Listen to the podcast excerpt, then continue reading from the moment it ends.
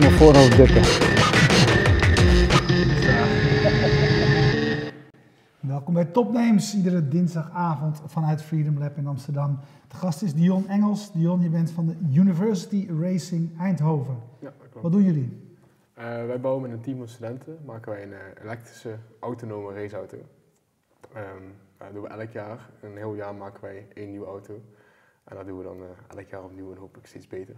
Maar elektrisch autonoom, Ja. dat betekent dat hij ook zonder chauffeur kan rijden. Inderdaad. Ja. Onze auto is, eh, kan zonder ja, enige menselijke input eigenlijk, kan die zijn weg vinden over de racebaan die hij moet rijden. Dus die doe je met een aantal sensoren. Ehm, ziet hij eerst wat een, ja, in de buurt van de auto is. Eh, en dan hij- wordt het allemaal uitgerekend door de auto zelf. Oké, wat krijg ik binnen? Wat is mijn omgeving? Wat doe ik nu? En dan stuurt hij naar een aantal kleine motoren in de auto. Eh, bijvoorbeeld bij het stuur en bij de pedalen stuurt hij een signaaltje van oké, doe dit aanpassing. En dan op die manier beweegt hij zichzelf over die baan die hij ziet. Ja, wa- wa- waarom zijn jullie dit gaan doen? Want eh, we kennen natuurlijk allemaal de gewone Formule 1. Eh, Op de foto's zie je ook dat jullie auto's zien er ook uit als, eh, zeg maar, Ja. de- de- heeft dat die vorm? Waarom, de- wat, wat is het doel van wat jullie doen? Het doel is eigenlijk het ontwikkelen van een technologie, omdat we het voornamelijk gewoon best wel leuk vinden. Eh, Dat snap ik, ja. Ja. Binnen de competitie waar we meedoen hebben we de mogelijkheid om autonome auto's te ontwikkelen. Eh, dus een aantal jaar geleden is dat opgestart, dat naar boven gekomen. En eigenlijk vorig jaar dachten we als team van nou, daar moeten we aan meedoen. Dat is het, dat is het nieuwe, daar gaat het naartoe. Dat, eh, er zijn veel mensen die discussiëren daar natuurlijk over, maar wij denken dat het echt het rijden van de autonomie gaat. En om mee te helpen om die technologie te ontwikkelen, dachten we van ja, daar moeten we gewoon bij zijn. Tien jaar geleden, toen voor het eerst elektrische auto's een ding werden binnen de competities, waren we ook een van de eerste teams die daarop stapten. Toen dachten we ook van ja, dat moeten we doen. Ah ja, nu weer dus. Dachten we, Maar kunnen jullie doen niet meer eh, met chauffeur. Eh, dit jaar wel nog. Dus de auto die we dit jaar bouwden gaat van onbouwbaar zijn. Dan kunnen we bijvoorbeeld de sensoren en de computer kunnen we er afhalen. En eh, op die manier zorgen dat de auto eigenlijk gewoon weer een, een domme elektrische auto is. Waar dus gewoon een mens voor nodig is om die rond te krijgen. Ja. Maar wat we volgend jaar gaan doen, dat, eh, nou, waarschijnlijk gaan we meer kijken naar autonomie, maar dat is nog niet helemaal zeker. Dat is ook afhankelijk van het bestuur van volgend jaar. Ja, en is, is dat een internationaal eh, circuit van de universiteit die dat doet, of is dat iets Nederlands? Eh, ah, de competitie is internationaal. Over de hele wereld worden er races georganiseerd. En over de hele wereld doen er meer dan 700 universiteiten mee in de competitie. Ja, en, en dan centraal wordt bepaald of het autonoom is of niet, of Ja. wat, er, wat er rond Er voor is een heel regelboek aan, ongeveer Ja. 150 pagina's. Dat is eh, niet heel leuk om door te lezen, het is allemaal heel wettelijk geschreven. Maar daarbinnen staat eigenlijk alles gedefinieerd. Hoe je auto eruit mag zien, hoe je aandrijflijn mag zijn. Ook wat Gewichten, vermogen, allemaal dat Ja, soort dingen. dergelijke Ja. dingen. Is het net zo streng als de Formule 1? Eh, net, ja, ze zijn wel heel streng. Het is wel meer vrijheid. Eh, je Ja. ziet ook heel verschil tussen hoe de auto's eruit zien. Maar eh, niet binnen de regels is niet binnen de regels en dan mag je niet meedoen. Ja. Want inderdaad, daarop aansluitend, hè, of, hoe, hoe de auto er moet uitzien. Jij zei, hij ziet er hetzelfde uit als, als een auto uit Formule 1. Eh, als, je, als, je daar helemaal, als je daar helemaal vrij in zou zijn, zou die er dan totaal anders uitzien? Eh, ja, zeker als je autonoom gaat rijden, dan, heb je wel heel veel andere ideeën natuurlijk. Onze auto heeft inmiddels nog een cockpit. Het is gespecificeerd vanuit de competitie dat dat moet. Maar ja, we gaan er geen mensen in stoppen, dus waarom zouden we die nu hebben? Ja, Want dat is natuurlijk ruimte die je weet kunt gebruiken voor een batterijpakket neer te leggen. Als je die perfect in het midden van de auto kunt leggen, ja, is het beter voor de racebalans.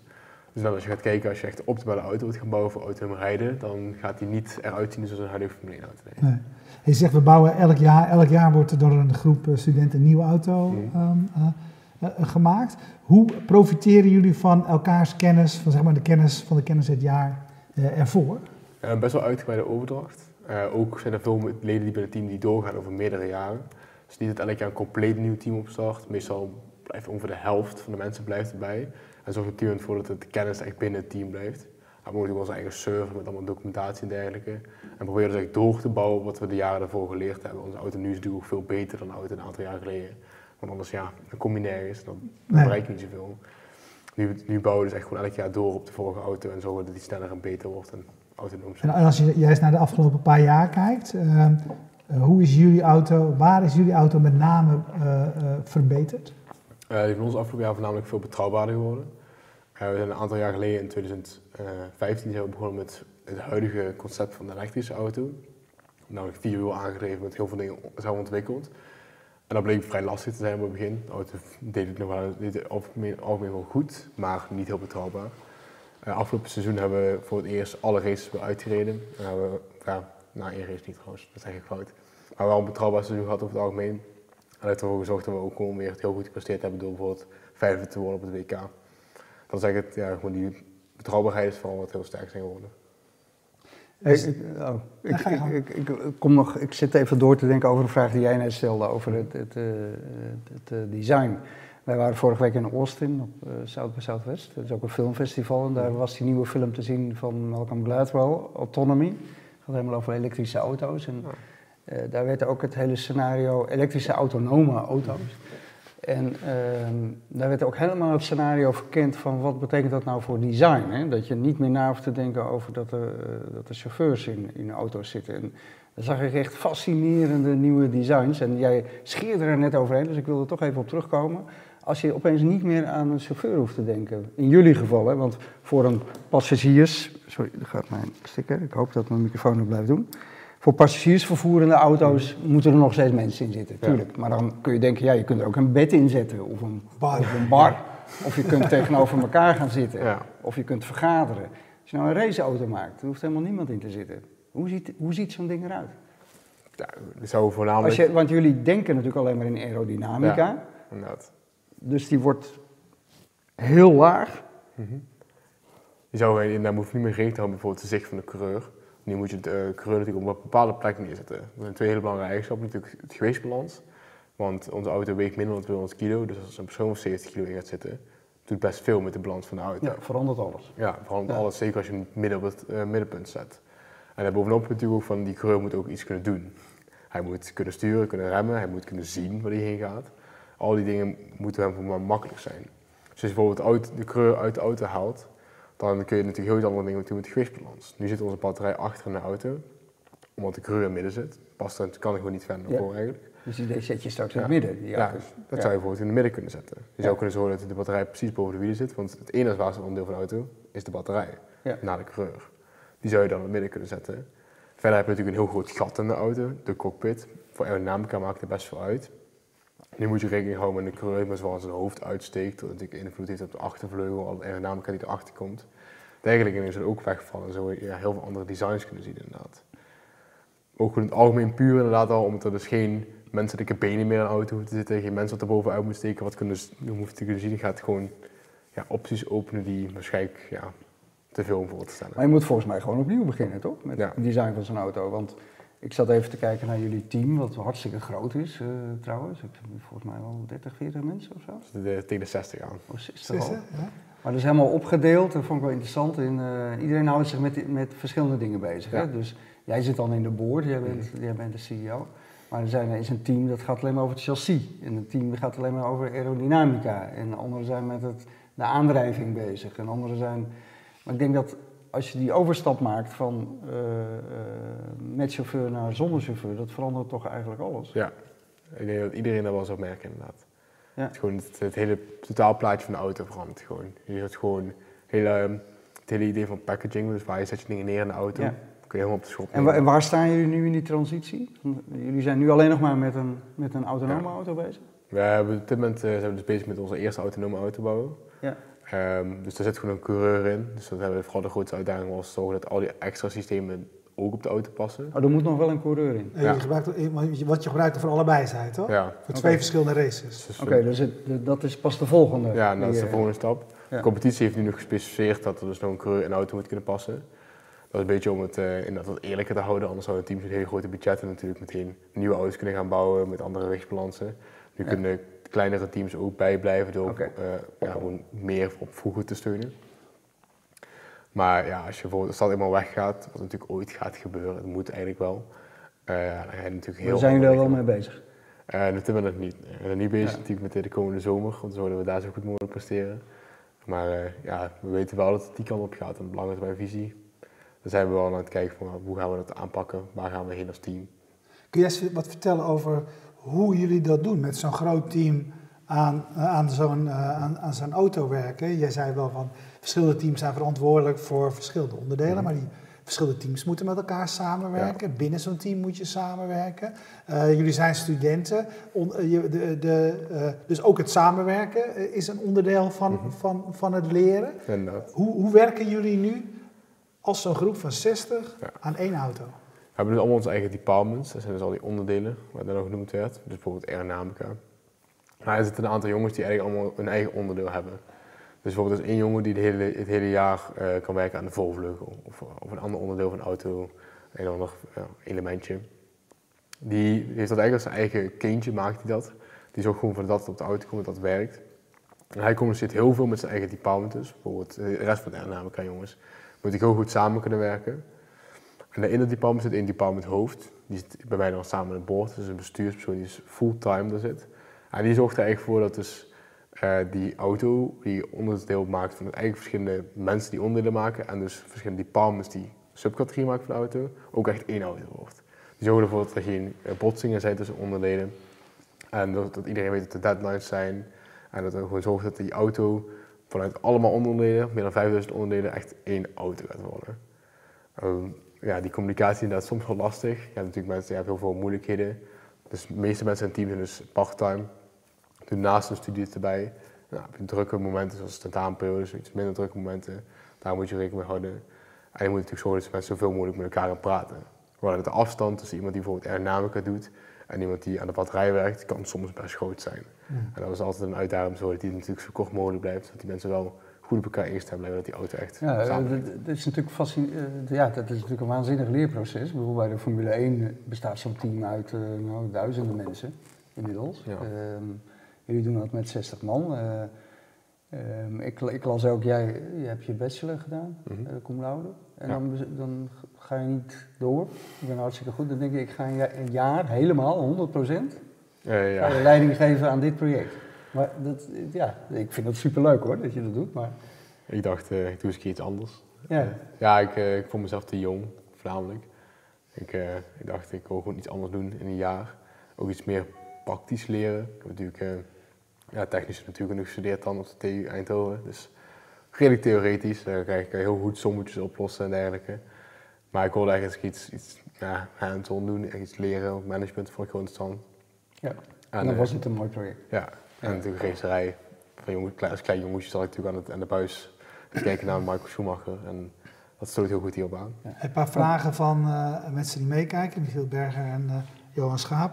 Van Michiel Berger, met wie wij vorige week nog in Oosten waren, weet ik, hè, vertelde ik jou dat zijn zoon -hmm. uh, in, in Delft aan een... Uh, die zit in het racingteam van Delft. Van Delft, ja. niet, niet zelfrijdend, maar het racingteam. Hij, ja. hij, hij, vraagt, zal een autonome auto ooit sneller worden dan een mens? Tuurlijk. Ja, we hebben mensen, mensen zijn helemaal foutgevoelig. Dat je ziet op de ongeluk op de weg of zo, ja, de meeste zijn gewoon door mensen veroorzaakt. Ik heb natuurlijk de data niet in mijn hoofd, maar het zijn er wel heel veel. En wij maken gewoon fouten. Wij reageren soms pas na een halve seconde, seconde of zo. Dat duurt echt veel te lang. Die computer van ons die kan een milliseconde uitrekenen wat hij moet doen. En nu gaat dat inderdaad niet zo snel als de mens. Door allemaal kleine kinderstapjes te maken. Maar over een paar jaar kan je garanderen dat uh, wint die computer makkelijk. Geen twijfel. Geen twijfel. Ja. Nou, dan gelijk maar nog eentje van Michiel Bergen. Ja.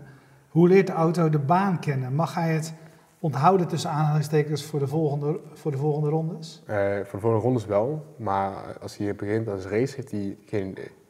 Eigenlijk uh, het enige wat hij weet is de regelset van de competitie, die hebben we ingeprogrammeerd. Hij weet bijvoorbeeld dat er spionnen staan die de baan aangeven. Hij weet dat de linker pionnen een bepaalde kleur hebben en de rechter pionnen een andere kleur. Hij weet dat er de maximale afstand is tussen de pionnen en daarmee moet hij het doen. De circuit zit niet in het... Uh... Nee, hij weet het niet. Hij, begint, hij, start, hij zet de auto aan, het eerste hij natuurlijk scant voor zich. En dan zie je twee pionnen. Links uh, aan mijn hoofd een blauwe en rechts een gele. Oké, okay, dus het is 100% real-time zelflerend. Ja. En dan ja. rijdt hij, gaat hij naar voren, dan is hij de volgende pion, de volgende pionnen. En op die manier, dan moet hij zijn eigen route blijven vinden tussen pionnen. Hij moet ook zelf detecteren wanneer die rond is geweest. Mogen we ook niet vertellen van dit was een rondje. Hij moet zelf vertellen dat hij tien rondjes heeft gereden en dan is hij klaar. En dan moet hij ook uit zichzelf weer stoppen. Ja, dus je ziet hem ook ja. langzaam, langzaam rustig aan, voorzichtig, ja. voorzichtig beginnend en steeds. Ja, hij begint heel rustig, dan is hij van oké, okay, ik heb eigenlijk geen idee wat ik tegenkom. Na een rondje denkt hij, ja, oké, zo is de baan. Gaat hij harder rijden en dan weet hij, dan weet hij wat de volgende bocht is, kan hij de lijnen op uit gaan rekenen, snelheden uit gaan rekenen. Ja. En dan gaat hij echt racen. De eerste ronde is een scanronde. En die tien ronden mogen wij niks doen in de auto. Alleen maar tegen zeggen van stop nu. Dat is het enige wat ze zouden mogen zeggen. Ja, als die eh, eh, Als dit- dingen ja, gaan als er iets fout gaat. Maar dat is natuurlijk niet Ja. ideaal voor je rondetijd als je dat doet. Ja, ik zat me ook af te vragen, ik, ik kan me voorstellen dat het super leuk is om eh, juist helemaal te focussen op die autonome technologie. Maar het is ook een enorme paradigma shift in wat jullie doen. Hè? Want ehm, met een chauffeur Mhm. ja, is die menselijke factor is, eh, natuurlijk super belangrijk. Ja. En kun je, eh, weet je, bij de Formule 1 is daar veel discussie over. Waarom laat je niet alle coureur- coureurs in dezelfde auto rijden? Standaardiseren, zoals je bijvoorbeeld bij andere sporten ook hebt. Hè? Bij Ja. het zeilen, weet je, de Volvo Ocean Race, een van jullie sponsoren sponsort dat ook. Mhm. Daar krijgen alle teams, Brunel, wij mogen Ja. het hier gewoon zeggen, alle teams krijgen gewoon dezelfde boot. Ja. Eh, dus gaat het helemaal over wie het beste kan zeilen. Mhm. In de Formule 1 is er ook veel discussie over, want de mensen, weet je, dat zijn Ja, eh, helden. hè. Moeten ze niet allemaal dezelfde auto hebben, dan zien we pas echt wie het beste is. Ja, Jullie heel, gaan helemaal de andere kant op. ja, een heel ander soort eh race krijg je inderdaad. Je krijgt niet meer de mensen die tegen elkaar strijden.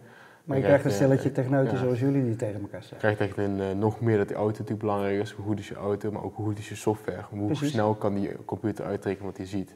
Ja. Het is echt een, eh, een, ja, meer een gevecht tussen software dan tegen dan mensen. Ja. Dat, eh, Ja, Johan Schaap vroeg, vroeg net eh, over, hierover al. Hij zei, is racen met autonome wagens straks nog spannend? Want nu hebben we natuurlijk een, een- we hebben een held achter een stuur. Eh, wij, wij vinden Max Verstappen Ja, is, precies wat ik bedoel. Ja. natuurlijk, Ja.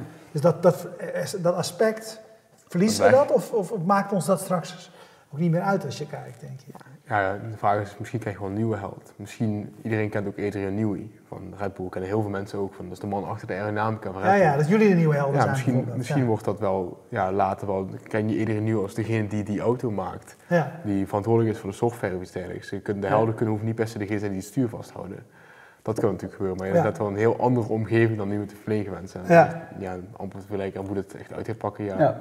Ik kan wel Maar, gokje doen. maar, maar dat betekent ook dat jullie hele team, eh, weet je wel, in, ten opzichte van twee jaar geleden, nu je die overstap moet maken naar autonoom, ook Mhm. totaal veranderd. De accenten ja. gaan natuurlijk ook van de techniek, in de, ik bedoel de ouderwetse techniek, hè, dus Mhm. eh, chassis, banden, wielen, aerodynamica, naar software, sensoren, eh, beeldherkenning en ja, inderdaad. eh, een zelflerend systeem bouwen. Je ziet dat het eh, team sowieso inderdaad een transitie maakt naar steeds meer richting ja, elektronica en software. Dat is een aantal Ja. jaren al, is dat al belangrijk aan het worden. Alleen nu als je natuurlijk autonomie gaat doen, dan Ja. schiet dat er ineens omhoog. Dat is, eh, je moet natuurlijk gewoon, software wordt dan het allerbelangrijkste. Want je moet dat, die mens vervang je alleen maar met software. En dan moet je wel kunnen ja, voor elkaar krijgen dat het goed werkt. Wat zijn jullie grootste uitdagingen als je het hebt over die autonomie, al het rijden, zelfrijden? Ehm, de grootste uitdaging voor ons is eigenlijk het zorgen dat het allemaal heel ja, robuust werkt. Op het moment eh, werkt het, maar het gaat nog wel eens fout. Ja. Dan eh, moeten we die noodstop nog wel gebruiken. Wat gaat er dan fout? Ja, dan mist hij vaak een pion of hij ziet juist ergens een pion waar geen pion is. Maar waar komt dat dan door? Door de kwaliteit van de camera's, de sensoren? of- Reflecties bijvoorbeeld kan een probleem zijn. Ja. En dan kan er iets anders gewoon voor de camera langs vallen. Als er een blaadje valt, dan ziet dan reflecteert Ja. de sensor op en dan denkt hij, oké, hier is iets. Dan is natuurlijk Ik altijd moet er best wel zitten denken aan voetbal-tv. Dat was een project waar, ik, waar je met hetzelfde soort technologie de bal volgt in het voetbal. Dat als er dan een kaalhoofdige toeschouwer langs het veld stond, Ja. weet je wel, herkende, dacht hij dat dat een bal was. Dan zou er zoiets, zo'n dingen gebeuren. Dat soort dingen gebeuren. Ja. Ja, hij heeft bepaalde requirements die hij zet voor wat is een pion. Ja, er, er kunnen dingen tussenkomen die bijvoorbeeld, eh, zeggen, onze lidars hebben het vaak een probleem natuurlijk dat die de voeten van de mensen die rond de baan staan gewoon zien als een obstakel. Ja. Dat heeft dan geen, maakt niet uit, want die mensen staan vaak ver buiten de baan. Maar als je zoiets hebt in de buurt van de baan, dan kan die daar ja, omheen willen rijden of juist naartoe willen rijden en dat niet ideaal. Nee. Dus dat zijn vaak de dingen die je moet zorgen dat je, dat je algoritmes zo robuust zijn dat hij niet ergens een fout kan maken. Hij moet die tien ronden lang kunnen rijden en zo snel mogelijk, maar ook zonder fouten. Want als hij ergens van de baan af gaat, Ja, ben je weg. ben je klaar. Ja. Ja. Interessant van vraag van Johan Schaap ook.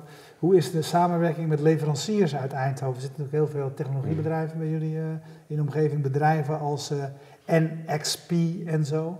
Ja. We- Hoe, hoe, hoe werken jullie samen in de regio? Eh, we werken met heel veel bedrijven samen in de regio. Dat Brainport, dat wordt waarschijnlijk wel vaker genoemd. Ja. Het is wel, wel een ding wat je merkt als je zo'n team hebt. Dus daar ongeveer 90 bedrijven waar we mee samenwerken, onder NXP inderdaad. Ehm, ja, er wordt gewoon heel veel gecommuniceerd met die bedrijven. Vaak wordt ook eh, samengewerkt op het gebied van het leveren van onderdelen, ehm, ja, uitwisselen van kennis. Gewoon zorgen dat eigenlijk, eh, samen met die bedrijven realiseren we die auto. Want we zijn allemaal heel slim als team, we hebben heel veel slimme jongens rondlopen, maar we kunnen eigenlijk niet zo goed een auto bouwen. We hebben geen freesbanken staan, we hebben geen hele moeilijke machines staan, we hebben geen heel duur hardware, we hebben ook niet tonnen met geld liggen om dat te kunnen betalen zoals van één team. Dus samen met die bedrijven zorgen we er echt voor dat die auto echt werkelijkheid wordt. Ja. Want alleen zouden we dat gewoon niet kunnen. En kun je eens iets vertellen over het belang van een project als dit eh, in relatie tot, tot, eh, tot je studie? Want dat lijkt mij er zo aantrekkelijk aan. Hè? Je, Mhm. Eerst wat je zei, je hebt heel erg met de theorie bezig geweest. En dit is eigenlijk een fantastisch project. Praktischer dan dit kan je, eh, kan je, kan je, eh, kan je niet gaan. Eh, hoe helpt dit jullie studie? Het helpt je gewoon met dat echt praktijkervaring. Gewoon de TU Eindhoven, nou, ik vind het hele goede opleidingen, zeker. Maar het is wel super theoretisch, dat is gewoon hoe het is. Eh dan leer je allemaal dingen hoe je hele moeilijke ja, formules kunt toepassen om systemen. Maar je leert er heel weinig over hoe je het echt toe gaat passen. Dan kom je natuurlijk bij een bedrijf werkende en dan moet je ook iets gaan doen. Ja, dan moet je iets gaan maken, iets gaan designen. En daar heb je dat nog niet gehad. En bij ons leer je dat wel. Als bij ons een, mechanical engineer komt, die heeft op de studie allerlei dingen gehad over constructieprincipes, hoe die st- sterke onderdelen kan maken. Maar hij heeft nog nooit een onderdeel gemaakt wat gefreesd moet worden. Dat hebben ze nog niet gedaan. Dat deed hij bij ons dan wel. Dan moet je het helemaal gaan designen. Van- Van de grond af moet je het zelf gaan maken. Je kunt kijken hoe ze het de voorgaande jaren gedaan hebben. Maar we zeggen gewoon tegen jou, ga het maar maken. En op duur zegt hij, nou, ik denk dat ik klaar ben. En dan moet hij het gaan frezen. Dan heeft hij overal rechte hoeken erin zitten die niet kunnen gefreesd worden. En allemaal moeilijke dingen gedaan. Dat ik gewoon, Ja. ik van, ja, praktisch gezien kan dat gewoon niet. Maak er een kleine radius in, dan komt het op hetzelfde neer. Maar Ja. moet gewoon zo, anders kun je het niet maken. En de- dan uiteindelijk heeft die jongen echt zijn eigen onderdeel gemaakt. En al die kennis die hij dus in die jaren opgenomen heeft bij de TU dan, ook echt omgezet naar iets, iets fysieks. Ja. En dat is vooral het ja, het waardevolle wat je dan bij ons kunt leren. Want je kunt gewoon echt toe gaan passen wat je geleerd hebt. En dat is, ja, is toch anders dan als je bijvoorbeeld bij een universiteitsproject iets gaat doen. Ja, nou, nou is het ook eh, eh, duur, autotechniek. Ja. Ehm, ik zie op jullie site een hele lijst eh, sponsors. Met- Wordt het helemaal eh, door sponsoren betaald? Of zit ja. de universiteit hier ook in? Uh, de universiteit is een van de sponsoren. Ja. Ja. Ehm, maar in principe het hele budget ja, is een on- onafhankelijke stichting. Hoeveel budget hebben jullie jaar? Eh, er ligt eraan of je gaat kijken naar echt puur hoe- hoeveel cash we hebben. We gaan Ja. Heel veel dingen van ons gaan namelijk gewoon in puur in, in kind. Dus we zeggen tegen bedrijven, ja, ja, wil je alsjeblieft dit voor ons maken? En dan doet het bedrijf voor ons en dan doen we iets terug voor ze. Precies, maar dat betekent dat, dat een automotive bedrijf in Eindhoven, weet ik veel, IBO of Mhm. een andere, die maken voor jullie onderdelen. Ja, IBO is, is toevallig ja, het bedrijf wat de lidars levert. Dus Ja. de sensoren van de autonome auto. Ja. Die komt uit Duitsland. Ja, daar hebben we dus gewoon een contract mee. Die leveren ons dat gratis eigenlijk. En, Er eh, is heel veel barter-achtige dingen. En, dat, dat, en wat jullie doen is dan natuurlijk reclame op de nou, we auto. maken reclame voor ze, we doen op social media posts, dergelijke, attentie geven aan ze. Je t-shirt heb je nu aan met Ja. wat eh, sponsors erop. Inderdaad, Ja. daar staan ze dan ook op. Ja. Maar als je al die dingen gaat kijken, wat er ongeveer de waarde van zijn, dan zit je waarschijnlijk al richting een miljoen voor de auto. Ja. Eh, dat doen we elk jaar opnieuw. Dus, eh. Ja, dat, is toch wel mooi. Nee, ik bedoel, jij geeft leiding aan, aan, aan die club. Jij bent ook verantwoordelijk voor je all over, juist voor de partners Ja. en, en dat soort dingen. Dus dat is toch best een pittig eh, baantje. ja, dus, Ja. In ieder geval ik verwacht had toen ik drie jaar geleden of vier jaar geleden begonnen met studie op de TU Eindhoven. Toen dacht ik ook van, nou, niet dat ik over vier jaar bijvoorbeeld eh, bij grote bedrijven zoals ASML of NXP langs zou gaan. Maar eh, ja, dat is wel... Dat doe je nu gewoon. Nu wel, ja. Ja, dat is toch gaaf? Ja, en dat is Ja. eh, heel leuk waar je overal komt. Ja. Het is een uitdaging om te zorgen dat natuurlijk alles gewoon gewoon matcht, want we hebben gewoon een budget. En Ja. die auto moet er komen. Ja. Ja, dus elke jaar een uitdaging om te zorgen dat de auto dan natuurlijk er gewoon komt en ook voor betaald kan worden. ja, want het gaat natuurlijk gewoon in de racerij gaat het gewoon wel om winnen. Ja. Eh, daar gaat het bij jullie ook om. Hoe hebben jullie het gedaan de afgelopen jaar? Eh, we zijn dus vorig jaar op het WK vijfde geworden. Ja. Dus daar waren we heel trots op. aangezien dus- Van de hoeveel? ja, er zijn dus 700 teams wereldwijd, waarvan 140 elektrisch. Ja. En daar waren van die elektrische waren wij dus vijfde. Dan zit Ja. je echt een top ja, Nou, 5%. nou ken ik toevallig eh, wat mensen in de topsport, waaronder Mm. eh, mensen die ook als coach gouden medailles op Olympische Spelen hebben gewonnen. En die zeggen altijd tevreden zijn met de vijfde plaats. Dat kan echt niet, want dan, dan win je echt nooit. Je bent stiekem natuurlijk ook ja, niet helemaal tevreden. Natuurlijk wil je winnen. Je bent wel trots, maar, niet duur, tevreden. ja, op een duur Ja. ben je wel van, nou, ik heb toch wel iets moois neergezet. Ja. Als je gewoon kijkt naar wat andere teams voor, eh, hoe dit in elkaar zit en wat je voorheen voor basis je hebt, wat teams hiervoor gedaan hebben. Ja. Dan kun je wel natuurlijk gewoon trots zijn op hoeveel je vooruit bent gekomen, wat je zit je neerzet. ook een beetje te jennen. Ja. En wat, Maar, wat, eh, wat gebeurt er met die kennis van die, die eh, jullie elk jaar Uh, nou, leren jullie dingen, dan worden jullie beter met, met, met, je wagen. Je begint het jaar daarna weer opnieuw. Uh, als je bij de Formule 1 ploeg zit, gaat het om geheim, geheimhouding. Ja. Als je wilt dingen doen uh, die de, de, de, tegenstanders niet weten, zeg maar. Normaal gesproken gaat universiteiten ook over kennisdeling. Hè, met z'n mhm. allen wijzer worden, slimmer worden, et cetera. Ja. Hoe werkt dat bij jullie? We zijn sowieso heel open. Dat, binnen Formule Students, onze competitie, is er niet zoiets als geheimhouding als je bij de races komt en je gaat er wat rondlopen en vragen iemand wat heb je gedaan, dan komt het natuurlijk op je af van, oh ja, dat heb ik sowieso ja, gemaakt. Trots, Super trots. Ja. Dus het is heel open, heel erg leren van elkaar. Ook in de universiteit werken we best wel natuurlijk dicht met de universiteit samen. We zitten daar op het campus, die mogelijkheid hebben. We werken met een aantal vakgroepen, onderzoeksgroepen werken we samen. En die proberen we natuurlijk ook onze, wat wij leren ook echt terug te geven aan de universiteit en dus aan de samenleving is natuurlijk ook dat de kennis ook binnen het team blijft. Dus alle jongens die binnen het team zijn, nemen die kennis ook mee uiteindelijk weer de maatschappij en die gaan ook ergens werken, een baan vullen. Dus het komt op verschillende manieren, gaat eigenlijk van ons team ook weer naar buiten natuurlijk. Dus niet dat we het echt binnenhouden van, nou, is ons geheimje hoe die het te maken. Ja, precies. Hey, mijn laatste vraag, wat is jullie ambitie voor uh, komende zomer als de wedstrijden? Uh, we willen een podium halen in de autonome klasse. Oké. Dus, uh, dat is onze grootste ambitie, want dat natuurlijk een nieuwe is voor ons, dat ze gaan we proberen een podium te scoren. Ja, gaaf. Hey, en jijzelf, eerst uh, zeg je in de theorie gezeten, nu als CEO met heel veel andere dingen bezig dan uh, zeg maar je technische kennis. Mm wat is jouw je eigen volgende stap? Uh, ik ga weer studeren. Ik, het eind van het jaar ga ik beginnen met, ja, echt beginnen aan mijn master. Dan ga ik gewoon weer technische natuurkunde studeren en dan ga ik eigenlijk weer terug naar het oude. Ja. ja. Nou, fantastisch. Hey, heel mooi. Dankjewel dat je hier was. Uh, succes, succes, succes met de treinreis naar huis. Dankjewel. oh, dat is wel, wel interessant. Hoe, hoe, kan het nou dat je met de trein mee, joh? Onze auto heeft niet zoveel range. Dus, nee, ik zou dan toch denken, ik heb vorige week nog een Ford Mustang gehuurd uh, in uh, Amerika, maar ik zou wel denken dat je wel in een ander soort auto De, race, de, de raceklasse hier naartoe kwam. Uh, ja. Ja. ja, ons eigen busje, maar uh, is niet zo stellig. Dus, Kan je lekker in de trein gaan zitten. Ja, Ontzettend bedankt. Jullie bedankt voor het kijken. Um, we bedanken zoals altijd Bier Co voor de bier. Jetstream voor de livestream, PQR voor de hosting van de website. En Freedom Lab voor de gastvrijheid. We doen altijd twee uitzendingen per avond. Blijf dus kijken. Kijk je nu niet live, dan weet je dat je onze uitzending via YouTube of fastmovingtargets.nl kunt terugzien. Dag.